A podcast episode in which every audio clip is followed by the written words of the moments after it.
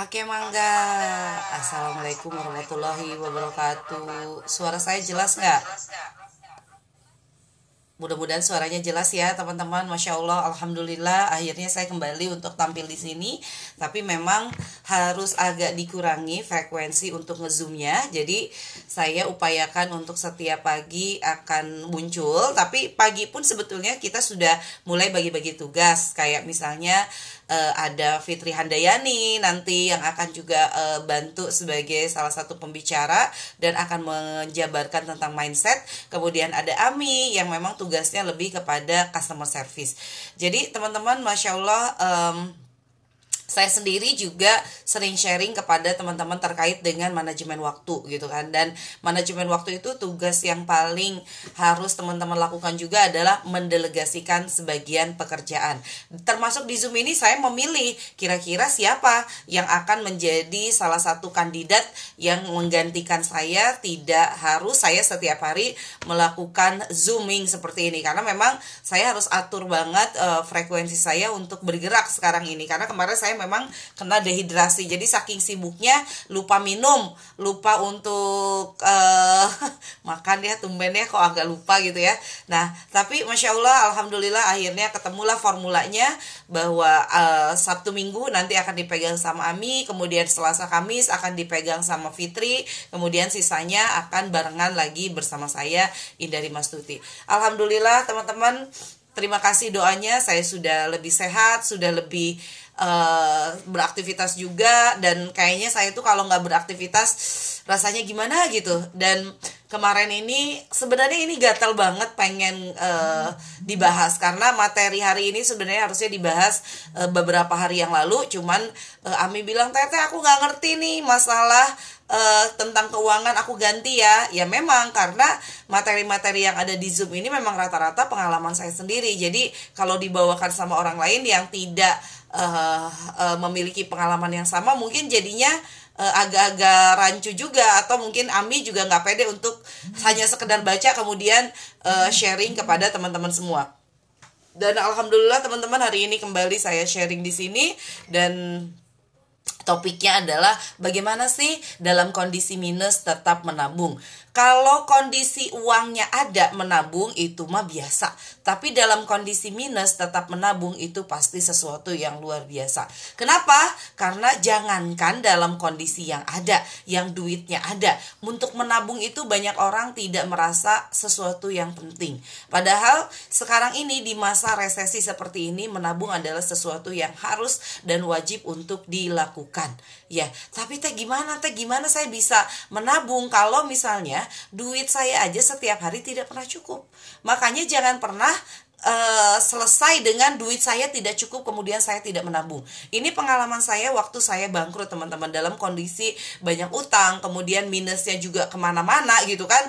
Nah tapi saya tetap menabung. Saya menabung dengan hal-hal yang uh, benar-benar minim banget Ya, salah satunya adalah uh, saya menyiapkan satu galon gitu kan, kemudian uh, celengan-celengan yang isinya itu adalah kencering-kencering. Ya, 100 uh, eh, ada 100 perak, 500 perak, 250 eh sorry. Pokoknya yang perak-perak kayak begitu saya masukkan ke dalam celengan. Ya, waktu saya lagi kondisi minus, otot saya itu dikuatkan dengan satu nabung, yang kedua adalah bayar utang. Ya, bayar utang itu sesuatu yang wajib. Kalau kita uh, dalam kondisi minus kemudian kita hanya merasa seperti ini ya gimana bisa bayar utang nih uh, teh gitu kan?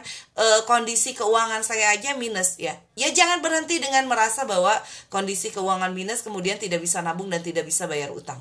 Ya yang harus selalu kita pikirkan adalah bagaimana kita bisa keluar dari kondisi seperti ini. Kita bisa keluar dari sesuatu yang memang e, benar-benar mencengkram kita gitu. Sesuatu yang sulit. Sesuatu yang orang yang keluar dari sesuatu yang sulit itu tidak mudah teman-teman. Tapi harus diupayakan.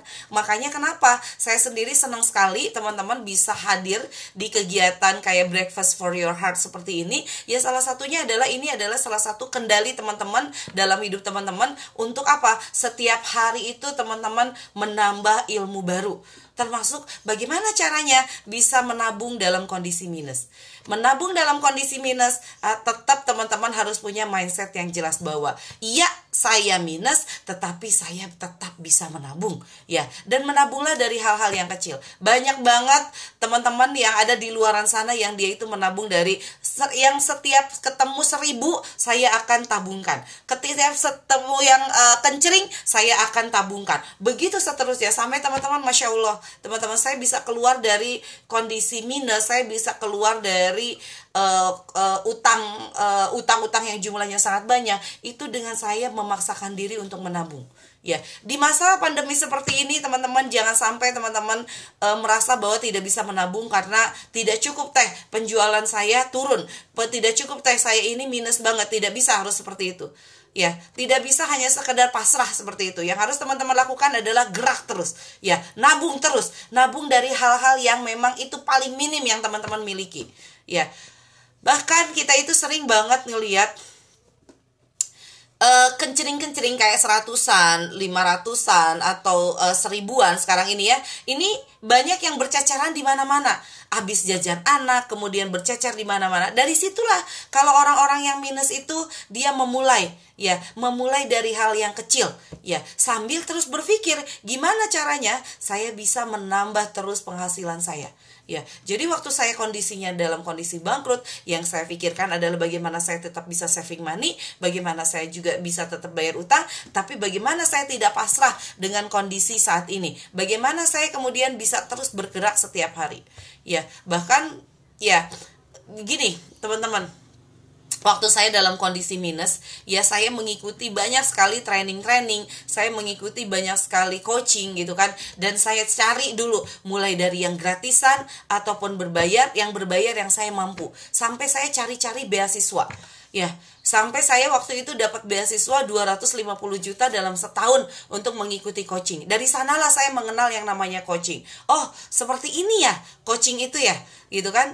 Walaupun saya mendapatkan uh, coaching itu dari beasiswa, walaupun saya mendapatkan coaching itu gratis gitu, tetapi saya terus bergerak untuk melakukan itu. Ya, jadi jangan sampai kita kalah sama kondisi minus. Setelah tahu minus, semangatnya juga minus, ya susahlah kita untuk bergerak. Ya, sudah tahu kondisi kita minus, maka semangat kita itu harus plus. Ya, dalam banyak hal harus plus. Ya. Jangan sampai kita hanya hanya hanya sudah aja selesai dengan itu gitu kan? Selesai dengan kondisi kita yang minus. Selesai ada orang lain juga sekarang dalam kondisi pandemi ini juga susah. Nggak bisa.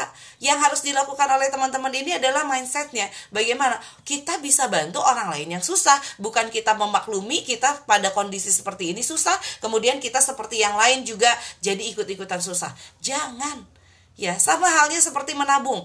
Ya, jangan sampai teman-teman e, berkata pada diri sendiri, "Ah, saya yang lain juga kayaknya susah deh nabung dalam kondisi seperti ini. Saya juga sama tidak bisa menabung." Jangan sama-samain diri kita seperti hal orang yang rata-rata. Seharusnya kita menyamanyamakan diri kita dengan orang yang di atas rata-rata. Dia kok bisa nabung ya recehan kayak begitu?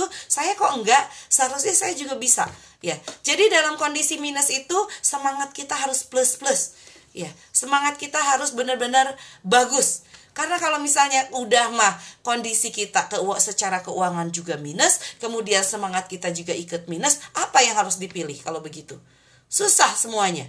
Ya, jadi teman-teman itu harus benar-benar berpikir bagaimana caranya dalam kondisi yang minus pun saya tetap harus selalu bergerak dan terus bergerak. Ya, saya sebenarnya ada bintang tamu ya. Saya uh, Mi saya pengen undang Mbak Diana ya. Ada nggak Mbak Diana? Udah hadir nggak Mbak Diana ini yang uh, foundernya dari Agdia Indonesia mainan anak-anak? Ada Mi? Ada Mbak Diana nggak? Saya sudah undang beliau untuk jadi bintang tamu hari ini. Bagaimana beliau juga bisa terus bergerak dalam kondisi minus? Ya. Ah Nah ini ada. Kalau recehan mah udah biasa masuk ya kita mulai dari recehan lah. Gitu sampai kita bisa memaksakan diri untuk bisa tambah lagi jumlah tabungan yang kita miliki. Teman-teman saya itu nabung e, benar-benar dipaksakan banget. Ya awalnya itu benar-benar dipaksakan banget. Sampai sekarang sebetulnya saya menabung itu dipaksakan untuk terus lebih e, bergerak lebih banyak lagi tabungannya. Contoh saya ikut arisan. Ya dalam satu hari ini ada arisan yang saya itu 400 ribu dalam satu hari. Untuk apa arisan itu? Arisan itu saya buka itu pada saat nanti pas uh, puasa. Karena apa? Mbak Diana nama zoomnya apa ya? Ini saya nggak nggak Diana paling kayaknya. Diana Agdia kayaknya. Ya. Ami coba telepri beliau ya jadi saya itu kalau misalnya menabung itu pasti sudah tahu saya tuh mau ke arahnya ke mana untuk nabung itu.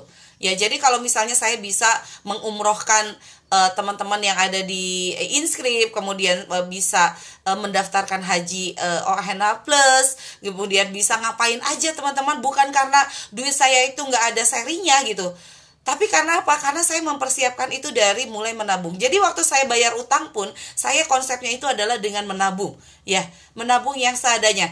Menabung yang seadanya dulu saya masuk-masukin mulai dari yang ribuan, recehan, semuanya saya tabung. Kemudian saya terus berpikir gimana tabungan saya itu bisa naik terus setiap hari. Ya, karena kita ini adalah pedagang atau pebisnis online, pastikan bahwa kalau dengan dagang itu seharusnya penghasilan kita itu tidak terbatas Ya, jangan kita ini uh, pasrah dengan penghasilan pedagang tapi ya naik turun kayak begitu teh nggak bisa. Kalau saya punya yang namanya itu batas di mana saya harus mendapatkan omset sekian. Ya. Ah, kenapa? Gitu kan? Saya harus memaksakan diri seperti itu supaya semangatnya juga jalan gitu. Jangan jangan cuman kita cukup dengan menabung seadanya tapi bagaimana kita bisa terus bergerak dengan nabung yang terus membesar setiap harinya. Karena teman-teman kalau tidak punya tabungan teman-teman apalagi ketika kita butuh uang maka yang dilakukan apa? Yang dilakukan selalu mencari utang. Ya maka buatlah tabungan Anda itu lebih banyak daripada aset-aset Anda uang cash yang punya lebih banyak dibandingkan Anda beli uh, mungkin beli tanah gitu kan, beli kendaraan atau beli apa pun. Lebih baik uang tabungan Anda yang lebih banyak dibandingkan Anda membeli hal-hal yang menurut saya sih nggak penting-penting amat ya. Saya sendiri juga punya kendaraan ketika itu memang dirasa sangat butuh ya. Setelah saya kendaraan saya diambil oleh leasing waktu itu dalam kondisi yang saya bangkrut, saya lama banget tidak punya kendaraan, saya memilih menabung ya saya memilih ke mana-mana pakai gojek saya memilih ke mana-mana uh, apa namanya itu uh, pakai taksi gitu ya tetapi saya uh, membuat tabungan saya lebih bengkak dibandingkan yang lainnya gitu jadi saya memilih untuk tidak membeli apa-apa. Tung Desen Waringin sendiri juga mengatakan bahwa untuk bisa menikmati hari tua kita adalah dengan memaksakan menabung, dengan memaksakan bagaimana kita punya uang cash lebih banyak. Ya, dibandingkan aset-aset kita. Ya, jadi uang cash itu harus memang lebih banyak karena yang memang kita butuhkan ya uang gitu. Ya, kenapa ya ini stop? Kok mati ya? Kok berhenti? Oh iya, berhenti, masya Allah. Oh, oke, okay, sorry sorry, ini berhenti. Sorry teman-teman, tiba-tiba ini berhenti. Masya Allah. Oke, okay, saya lanjut lagi ya. Ami udah muncul lagi Ami.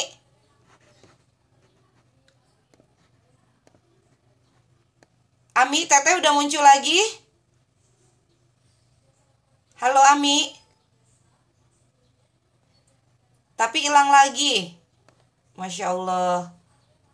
Oke, okay, teman-teman gak usah khawatir ya. Ya, eh, nggak uh, usah khawatir kalau uh, saya misalnya hilang, saya udah punya catatan. Eh sorry, bukan catatan. Saya sudah ada uh, rekamannya di sini. Ini ada rekamannya ya gitu kan. Jadi nanti akan saya share di uh, channel saya ya. Saya langsung mau jawab-jawab aja ya di sini ya. Hmm udah ada maka. Assalamualaikum teh mau nanya saya ingin menabung dan ingin melunasi utang orang tua. Itu solusinya gimana? Dua-duanya dilakukan. Oke. Okay. dua-duanya dilakukan. Jadi punya alokasi untuk menabung, punya juga alokasi untuk membayar utang orang tua. Dua-duanya harus dilakukan. Teman-teman saya sendiri juga punya yang namanya itu waktu itu punya warisan utang dari orang tua gitu kan. Dan yang saya lakukan adalah saya tetap menabung untuk utang saya sendiri saya tetap menabung untuk uang cash saya dan saya juga juga tetap menabung untuk orang utang orang tua saya. Semuanya harus dilakukan ya. Kemudian di sini ada pertanyaan lagi langsung aja saya jawab ya. Uh, teh saya mau tanya kalau uang tabungan dibeliin emas bagaimana? Uang cash kita tetap butuh emas juga kita uh, butuh. Kalau emas itu sifatnya jangka panjang ya teman-teman ya. Jadi kalau emas itu 10 tahun ya baru itu adalah sebuah investasi yang bagus. Tapi kalau teman-teman saat ini memang belum siap untuk investasi emas, ya yang harus dilakukan oleh teman-teman itu adalah uh, tetap menabung dan uangnya itu adalah uang cash. Ya, jadi uangnya yang siap untuk teman-teman pakai kapan saja. Ya kalau dibutuhkan. Tapi jangan berarti dipakai apa saja terus kemudian teman-teman uh, setiap menabung di kerjaannya dibuka mulu. Jangan gitu kita harus punya jelas ini tabungan buat apa? Ya oke okay, kemudian um, oke okay. saya mau nanya baiknya kalau nabung itu pakai target atau enggak? Harus pakai target. Harus pakai target harian ya mau anda ini sekarang seorang karyawan anda seorang uh, apa namanya tuh um, pebisnis online Anda harus punya yang namanya tabungan harian. Ya kalau saya dulu pakainya metrik. Saya setiap hari itu harus punya harus nabung berapa dalam satu hari, tercapai atau tidak. Nah, itu harus saya lakukan setiap hari. Nah, itu seperti metrik yang dipegang sama Ami. Ya, tapi maksudnya kita pisahkan setiap minggu atau setiap hari. Setiap hari saya karena kita ini adalah pebisnis online, kalau kita punya uang itu pasti uangnya itu adalah harian. Setiap hari selalu ada transaksi dan setiap setiap hari itu maka saya melakukan alokasi untuk menabung. Cara nabungnya gimana teh? Misal utang ortu dan tabungan kita dibedakan tempatnya ya, betul. Jadi kalau misalnya saya pakainya konvensional banget teman-teman ya. Dulu awal menabung itu dalam kondisi minus, saya pakai tabungannya itu adalah celengan celengan, celengan plastik teman-teman yang harganya cuma 5 ribuan, itu saya tulis ini nabung untuk apa peruntukannya. Yang satu untuk bayar utang, kemudian yang satu untuk uh, bebaskan uh, eh, BPKB misalnya kayak gitu ya. Nah, itu ada alokasinya. Yang ini sehari saya harus masukin berapa, sehari harus berapa. Yang saya genjot itu adalah setiap hari saya harus menghasilkan uang berapa. Ya, jadi saya karena saya adalah pebisnis online ya saya harus semangat dong setiap hari ngejar target supaya bisa melakukan yang namanya itu menabung setiap hari. Cara nab uh, oke, okay. kemudian teh mau nanya baiknya kalau nabung itu pakai target atau enggak sudah ya harus pakai target. Boleh tahu gimana dulu awalnya nabung pakai celengan atau ATM? pakai celengan kalau saya bahkan karena karena kalau di ATM itu kan biasanya juga transaksinya adalah transaksi online saya ambil duitnya dari ATM saya tabungin masukin ke celengan berdasarkan kebutuhan daripada tabungan tersebut. Ya jadi selalu saya pakai celengan. Kalau sekarang teman-teman saya sudah tidak pakai celengan lagi. Saya pakai yang namanya tabungan rencana mandiri. Ya yang itu setiap hari itu minimal dalam satu tahun untuk nabung. Ada yang nilainya 100 ribu per hari ada yang 800 ribu per hari. Kemudian saya juga ikut arisan. Itu adalah salah satu cara saya menabung sehingga setiap hari saya itu seperti nge mengejar uh, tabungan yang harus saya uh, siapkan gitu kan. Sehingga akhirnya apa? Saya bisa melakukan banyak hal. Misalnya nih saya harus kontrak rumah nih ya untuk kantor. Kontrak rumah itu senilai 52 juta. Itu sudah saya siapkan tabungannya satu tahun sebelumnya teman-teman. Ya jadi kalau misalnya saya butuh uang itu saya sudah tahu uang ini akan didapatkan dari tabungan yang mana kalau sekarang saya sudah pakai tabungan rencana mandiri, jadi teman-teman juga nanti bisa pergi ke bank masing-masing lah ya, cari tabungan rencana mandiri. Itu maksa banget di debit langsung dari tabungannya kita. Ya. Kemudian teh gimana bis, caranya bisa menjauh setiap orang yang menagih hutang ke kita biar mereka bisa menerima penjelasan kita. Karena kita sedang berusaha dan niat untuk bayar utang kepada mereka itu namanya teknik negosiasi teman-teman. Jadi yang harus teman-teman lakukan itu adalah teman-teman harus share kepada mereka. Seperti apa sih uh, hal yang teman-teman lakukan supaya bisa bayar utang kepada mereka. Contoh saya sudah melakukan nih tabungan harian untuk bisa nabung uh, dan kemudian bayar utang. Insya Allah bulan depan saya bisa bayar sekian gitu kan. Jadi harus harus benar-benar uh, detail loh kepada mereka yang nagih hutang kepada kita. Bukan kita bilang nanti juga akan dibayar bukan seperti itu. Ya kita harus harus punya detail bagaimana cara kita bayar utang. Sekarang nih saya tuh lagi jualan misalnya Agnia Indonesia, mainan anak-anak. Tolong doakan ya teman-teman ya supaya saya bisa bayar utang kepada teman-teman. Ini saya sudah mulai punya alokasinya. Saya nabung tiap hari 50 ribu untuk bisa bayar. Insya Allah bulan depan saya bisa uh, bayar sekian. Jadi bukan hanya ya saya akan berusaha, bukan seperti itu. Orang yang nab, uh, ngasih duit ke kita, dia butuh butuh kepastian kapan Anda akan bayar ya gitu jadi harus benar-benar bayar dibayar dan didetailkan. Misalnya bulan depan ternyata uangnya tidak cukup sekian gitu, tidak sesuai dengan target. Ya berikan saja kepada orang yang sudah menghutangkan kepada kita saya ternyata saya cuma bisa nabung sekian. Saya bayar dulu sekian ya. Lalu kemudian setelah itu minta doa sama dia. Mudah-mudahan jualan saya lebih laris dan bulan depan saya bisa bayar sekian. Gitu. Jadi harus detail banget sama orang yang menghutangkan kepada anda. Ya jangan nanti nanti saya lagi berusaha nanti saya berusaha tidak bisa seperti itu.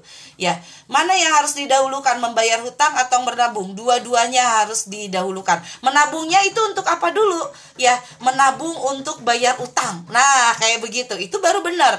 Ya, setelah menabung untuk bayar utang dan utang kemudian sudah beres, baru kemudian menabung untuk hal-hal yang lainnya. Ya, tapi teh saya pengen juga punya uang cash. Ya sudah kalau begitu.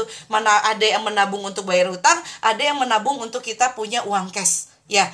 Kemudian Uh, berarti kita harus menyiapkan celengan yang banyak, punya prioritas ya. Saya celengannya dulu banyak banget teman-teman. Ya, di di jendela itu saya masukin uh, ada beberapa celengan jumlahnya sangat banyak dan semuanya di depannya itu ada di uh, spidolin. Ini untuk bayar utang ke siapa ini untuk bayar utang ke siapa. Ya menabung buat nikah iya bisa. Jangan sampai menikah anda berhutang. Banyak loh yang menikah kemudian dia pinjem uang ke mana-mana dan setelah nikah masih punya utang karena hasil nikah. Ih Jangan sampai teman-teman melakukan itu. Ya. Kemudian teh saya punya target tahun ini punya dana sekian ratus juta untuk renovasi rumah tahun 2002 akhir. Nah, biar uang yang sudah ada ini sampai 2022 baiknya disimpan di mana ya biar menghasilkan juga apakah tetap di tabungan, deposito, saham atau apa. Kalau mau aman sih deposito ya. Kalau uangnya sudah ada nih saat ini ya. Karena deposito itu biasanya bisa diambil pada um, target waktu sekian. Kemudian juga tabungan rencana mandiri juga itu cukup aman kalau menurut saya. Kalau memang setiap hari sudah punya jadwal menabung, maka ikut aja tabungan rencana mandiri silahkan. Saya nggak di saya nggak di endorse ya sama tabungan rencana mandiri, tapi saya memang sangat merasakan sekali tabungan rencana mandiri ini sangat membantu saya untuk memaksa diri saya menabung lebih banyak setiap harinya karena langsung di debit ya kemudian uh, dan disiplin teman-teman. Jangan sampai aduh saya lagi butuh uang nih ya sudah dibuka aja. Butuh uang buat apa? Kita sudah punya prioritas. Salah satu prioritas kita itu adalah bayar utang. Ya jadi jangan ke mana-mana lagi. Ya tabungan ini punya prioritas masing-masing. Nabung dari profit harian betul. Nabung dari profit harian. Maka yang harus ditambah adalah profitnya setiap hari. Kalau kita misalnya tiap hari profit 50 misalnya nanti dibagi iya mangga. Silahkan dibagi menyesuaikan dengan kebutuhan Assalamualaikum teh, tiap hari saya uh, celengan seribuan logam dan setiap hari komisi saya cemplungin celengan dulu. Mangga, itu pun bisa. Intinya adalah tidak ada sebetulnya orang yang tidak bisa menabung. Bisa. Ya, yang harus dilakukan oleh teman-teman adalah buka mindsetnya. Menabung itu bukan dari sisa, menabung itu wajib. Ya, lebih baik kita makan seadanya daripada kita tidak nabung. Ya, celengan plastik itu yang kayak gimana? Aduh banyak banget celengan plastik di pasar banyak banget. Cari aja celengan plastik murah banget. Ya ini untuk reseller-resellernya Binping, untuk reseller-resellernya Inscript, untuk reseller-reseller yang setiap hari bisa mendapatkan uang, Anda harus punya yang namanya tabungan harian. Untuk teman-teman yang pebisnis online dan setiap hari ada transaksi, ya maka itu pun anda harus punya yang namanya tabungan harian. Bagaimana dengan tabungan pendidikan anak? Ini saya kasih contoh. Anak saya uh, punya tabungan mulai dari dia itu kayak sekarang Aisyah udah 2 tahun, dia sudah punya tabungan minimal Aisyah itu 100 ribu dalam satu uh, harinya. Ya, nanti dia akan dibuka pada saat dia mau masuk TK, berarti butuh 3 tahun. Ya, di TK dia itu nanti akan menabung untuk SD. Ya, di SD dia akan menabung untuk SMP Eh, kalau misalnya kita punya uangnya lebih gitu kan, bisa saja di TK dia menabung untuk langsung ke SMP. Berarti kalau menabung untuk ke SMP, jumlah tabungannya menjadi lebih kecil dibandingkan ketika dia mulai menabung untuk SMP dari mulai SD gitu kan. Nah, kayak contohnya itu Aisyah ya dari sekarang 2 tahun saya sudah nabung 100 ribu per hari untuk Aisyah kemudian untuk Nanit sama Waktu TK dia juga sama 100 ribu per hari. Ketika dia masuk SD waktu itu kalau nggak salah Nanis masuk SD itu sekitar 18 jutaan. Ya da dari mana uangnya gitu? Nggak saya ambil dari uang bisnis saya. Ya tapi dari profit yang sudah saya uh, setorkan setiap hari. Sehingga akhirnya waktu dia masuk ke SD masya Allah sudah selesai lah. Ketika dia mau masuk SMP diperkirakan waktu itu sekit, butuh sekitar 40 juta. Ya nah 40 juta itu ternyata juga tercover 42 juta. Dalam kurun waktu 6 tahun Nanit bisa mengumpulkan uh, 40 6 eh, juta kalau nggak salah. Gitu. Sehingga akhirnya ketika masuk SMP saya juga nggak bingung dengan pendidikannya. Jadi tabungan itu dibuat dalam harian. Oke untuk tabungan rencana mandiri itu memang mengandung riba teman-teman. Ya maka saya bunganya tidak saya ambil. Ya jadi kita tetap tidak bisa tidak berhubungan dengan bank. Ya tetapi cara yang paling bagus yaitu adalah kita tetap berhubungan dengan bank gitu tetapi uang tab, uh, uang bunganya tidak kita ambil. Ya uh, teh saya punya tabungan khusus buat anak di kaleng biskuit. Tapi masih belum konsisten. Kadang lupa dikasih tulisan. Ya ingat gitu kan biaya pendidikan anak itu e, besar. Harus nabung tiap hari. 10 ribu tiap hari juga nggak apa-apa. Kalau 10 ribu tiap hari berarti sekitar 300 ribu dalam satu e, bulan. Berarti teman-teman bisa nabung 3,6 juta dalam satu tahun. Kalau anaknya sekarang e, masih ada waktu enam tahun untuk masuk ke SD gitu kan? Atau punya waktu eh, tiga tahun lagi ya teman-teman bisa mengumpulkan sekitar 10 juta lebih lah dengan 10 ribu per hari. Jadi harus biar inget dan konsisten itu ditulis kalau perlu. Ya deposito riba itu karena ada bunganya. Jadi jangan ambil saja bunganya. Ya kemudian mana lebih dulu teh menabung sedekah dan bayar utang? Bayar utang yang lebih dulu. Ya gitu. Tetapi kita bisa cantik lah main cantik gitu kan. Bayar utang itu nabung itu yang pertama adalah untuk bayar utang. Tapi kita juga tetap mengalokasikan untuk sedekah. Semuanya bisa dilakukan. Walaupun mungkin nominalnya masih sedikit-sedikit. Gak apa-apa. Teh seandainya hari itu belum ada closingan gimana mensiasati untuk bisa nabung? Dijadikan utang Ya, misalnya Anda punya target dalam satu hari itu nabung 10 ribu. Hari ini nggak ada closingan teh, jadi nggak bisa nabung. Ya udah, berarti besok harus 20 ribu. Dengan begitu, teman-teman akan semakin disiplin. Karena apa? Karena punya utang target nabung. Ya, Kayak kalau dari total penghasilan harian biasanya dibagi berapa persen? Atau semua labanya ditabung? Nggak bisa juga semua labanya ditabung teman-teman. Karena teman-teman mungkin dari laba itu butuh untuk makan dari laba itu butuh untuk kegiatan atau sehari-hari. Tapi usahakan bahwa menabung lebih besar. Teman-teman katanya orang Chinese itu dari setiap penghasilannya dia itu 70% masuk ke dalam tabungan. 70% dong 30% baru dia untuk e, melakukan aktivitas operasional yang lainnya. Jadi benar-benar diperketkan kalau kata orang Sunda mah. Ya, jadi nabung dulu yang lebih banyak. Kalau makan malah kita bisa tahu tempe dulu, bahkan tung desemwaringin juga kalau bisa mah kita mah kembang kempis dulu kalau untuk pengeluaran yang sifatnya pribadi. Ya, tapi kita benar-benar mencengkram banget kalau untuk yang namanya nabung, untuk yang namanya uh, menambah jumlah uang cash kita gitu kan. Nah kayak gitu. Jadi untuk kebutuhan kita mah diperekatkan gitu ya. Ikat pinggang teh bener-bener sampai ah gimana sih ya kalau kita bisa makan sama bayam sama tempe ya udah makan bayam tempe dulu deh gitu ya. Gitu kan dibandingkan kita makan tiap hari ayam tapi kita tidak bisa menabung sama sekali. Aduh teh udah kasihan sama anak nggak bisa. Anak-anak harus sudah mulai belajar bagaimana caranya. Mereka pun harus punya lifestyle yang bagus. Ya gaya hidup yang bagus. Bukan hanya cukup untuk makan tapi harus cukup juga makan dan nabung ya Kemudian tabungan rencana mandiri nggak datang ke bank juga bisa kan ya teh langsung daftar via m banking. Betul, bisa banget ya. Teman-teman bisa langsung daftar via m banking. Silahkan. Saya sudah bertahun-tahun mungkin lebih dari uh, kayaknya saya sudah 10 tahunan lah melakukan tabungan rencana mandiri ini. Jadi saya sangat terbantu dengan tabungan rencana mandiri ini. Ingat nggak usah diambil bunga banknya ya. Kemudian um, putus lagi, putus lagi. Ami keputus lagi Ami. Oke. Okay. Teh, mau nanya bagaimana pembagian nabung dengan sedekah? Mana yang diprioritaskan? Nabungnya untuk apa dulu? Ya, kalau nabungnya untuk bayar utang, yang prioritas adalah nabung untuk bayar utang. Ya, ya teman-teman ya, karena e, bayar utang juga bagian daripada kita menyedekahkan untuk diri kita sendiri loh.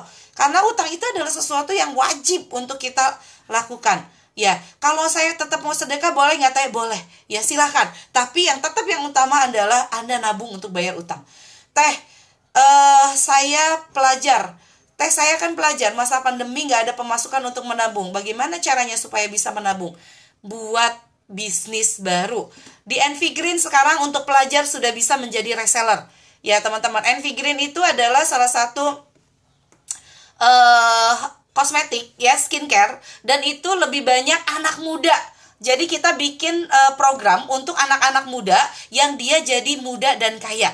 Ya beda kalau Binping itu untuk ibu-ibu, kalau untuk Envy Green itu untuk anak-anak muda. Jadi yang join di sana rata-rata adalah anak SMA, anak kuliahan. Jadi nanti untuk Lisa bisa mulai masuk untuk join dengan Envy Green dan mulai belajar bagaimana bisa mendapatkan penghasilan.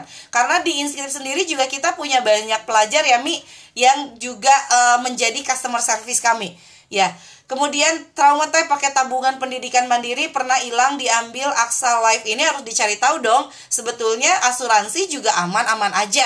Yang penting adalah asuransi itu harus sesuai dengan temponya. Jangan diambil sebelum jatuh tempo, gitu kan. Jadi asuransi itu adalah untuk mengamankan jangka panjang. Ya, teman-teman. Kemudian menabung buat nikah. Alhamdulillah teh penghujung tahun saya selesaikan hutang, sekarang mau fokus untuk tabungan impian saya. Adakah presentasi dari keuntungan kita dalam sehari berapa persen yang diambil untuk modal, tabungan impian dan pegang sehari-hari? Silahkan. Yang penting adalah teman-teman harus menabung itu saja. Ya, coba ingat menabung harus lebih banyak dibandingkan untuk pengeluaran kita sendiri. Ya. Kemudian uh, teman-teman sudah 31 menit. Terima kasih untuk hari ini. Insya Allah akan ketemu saya lagi.